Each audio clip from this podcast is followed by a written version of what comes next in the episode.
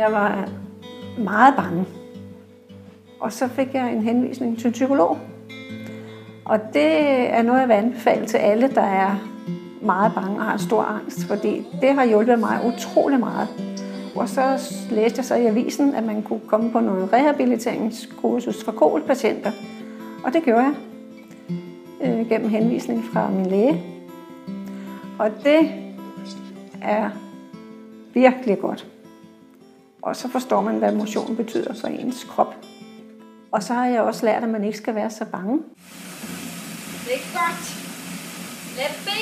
På rehabilitering er det rigtig godt, at der er nogle fysioterapeuter, fordi man bliver nemt bange. Man bliver nemt bange, når man øh, bliver forpustet. Men vi får hele tiden at vide på det kursus, at du må gerne blive forpustet, og du skal helst blive forpustet. Der er klar til at skrue op. Og det giver en en tryghed, for så bliver du ikke så bange, fordi man tænker, Nå, nu puster du lidt for meget, bare jeg nu ikke dør. Men det har du fået at vide, det gør du ikke. Og det er faktisk sundt at blive lidt forpustet. Jamen, som kodpatient kan man bruge den viden, man får på de kurser. Den kan du bruge i din hverdag, fordi du tænker hele tiden over det, du har fået at vide, de ting, du har fået at vide. Med vejrtrækning, motion og oplysninger om kost og sygdom i det hele taget. Medicin, de kommer ind over alt, så man, man går absolut ikke derfra uvidende. Man ved alt, når man går derfra.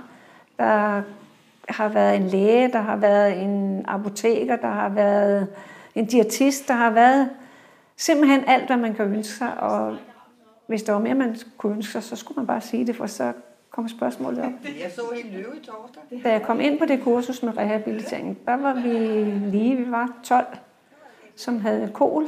Og det er en stor hjælp, fordi der kan man snakke sammen, når man, når man er sammen med andre, der har samme sygdom, uanset om det er samme symptomer, for de er jo meget forskellige, så ved man, eller det giver en lidt ro, og man tænker, at du er ikke helt alene om det her, og det var ikke så farligt igen, som man egentlig tror.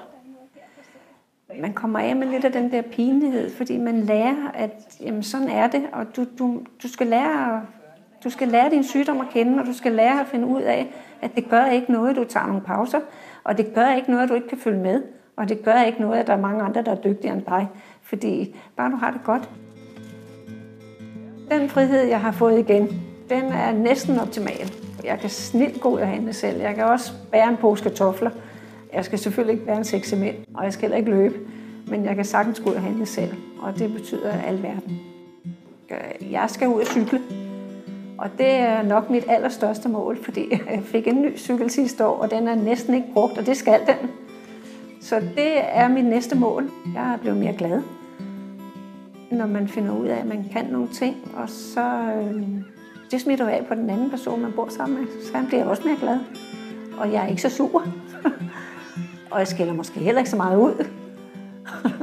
men, øh, men det har også noget med livskvaliteten at gøre. Hvis du er lidt mere tilfreds med dig selv, så bliver du meget mere medgørlig, mere rar.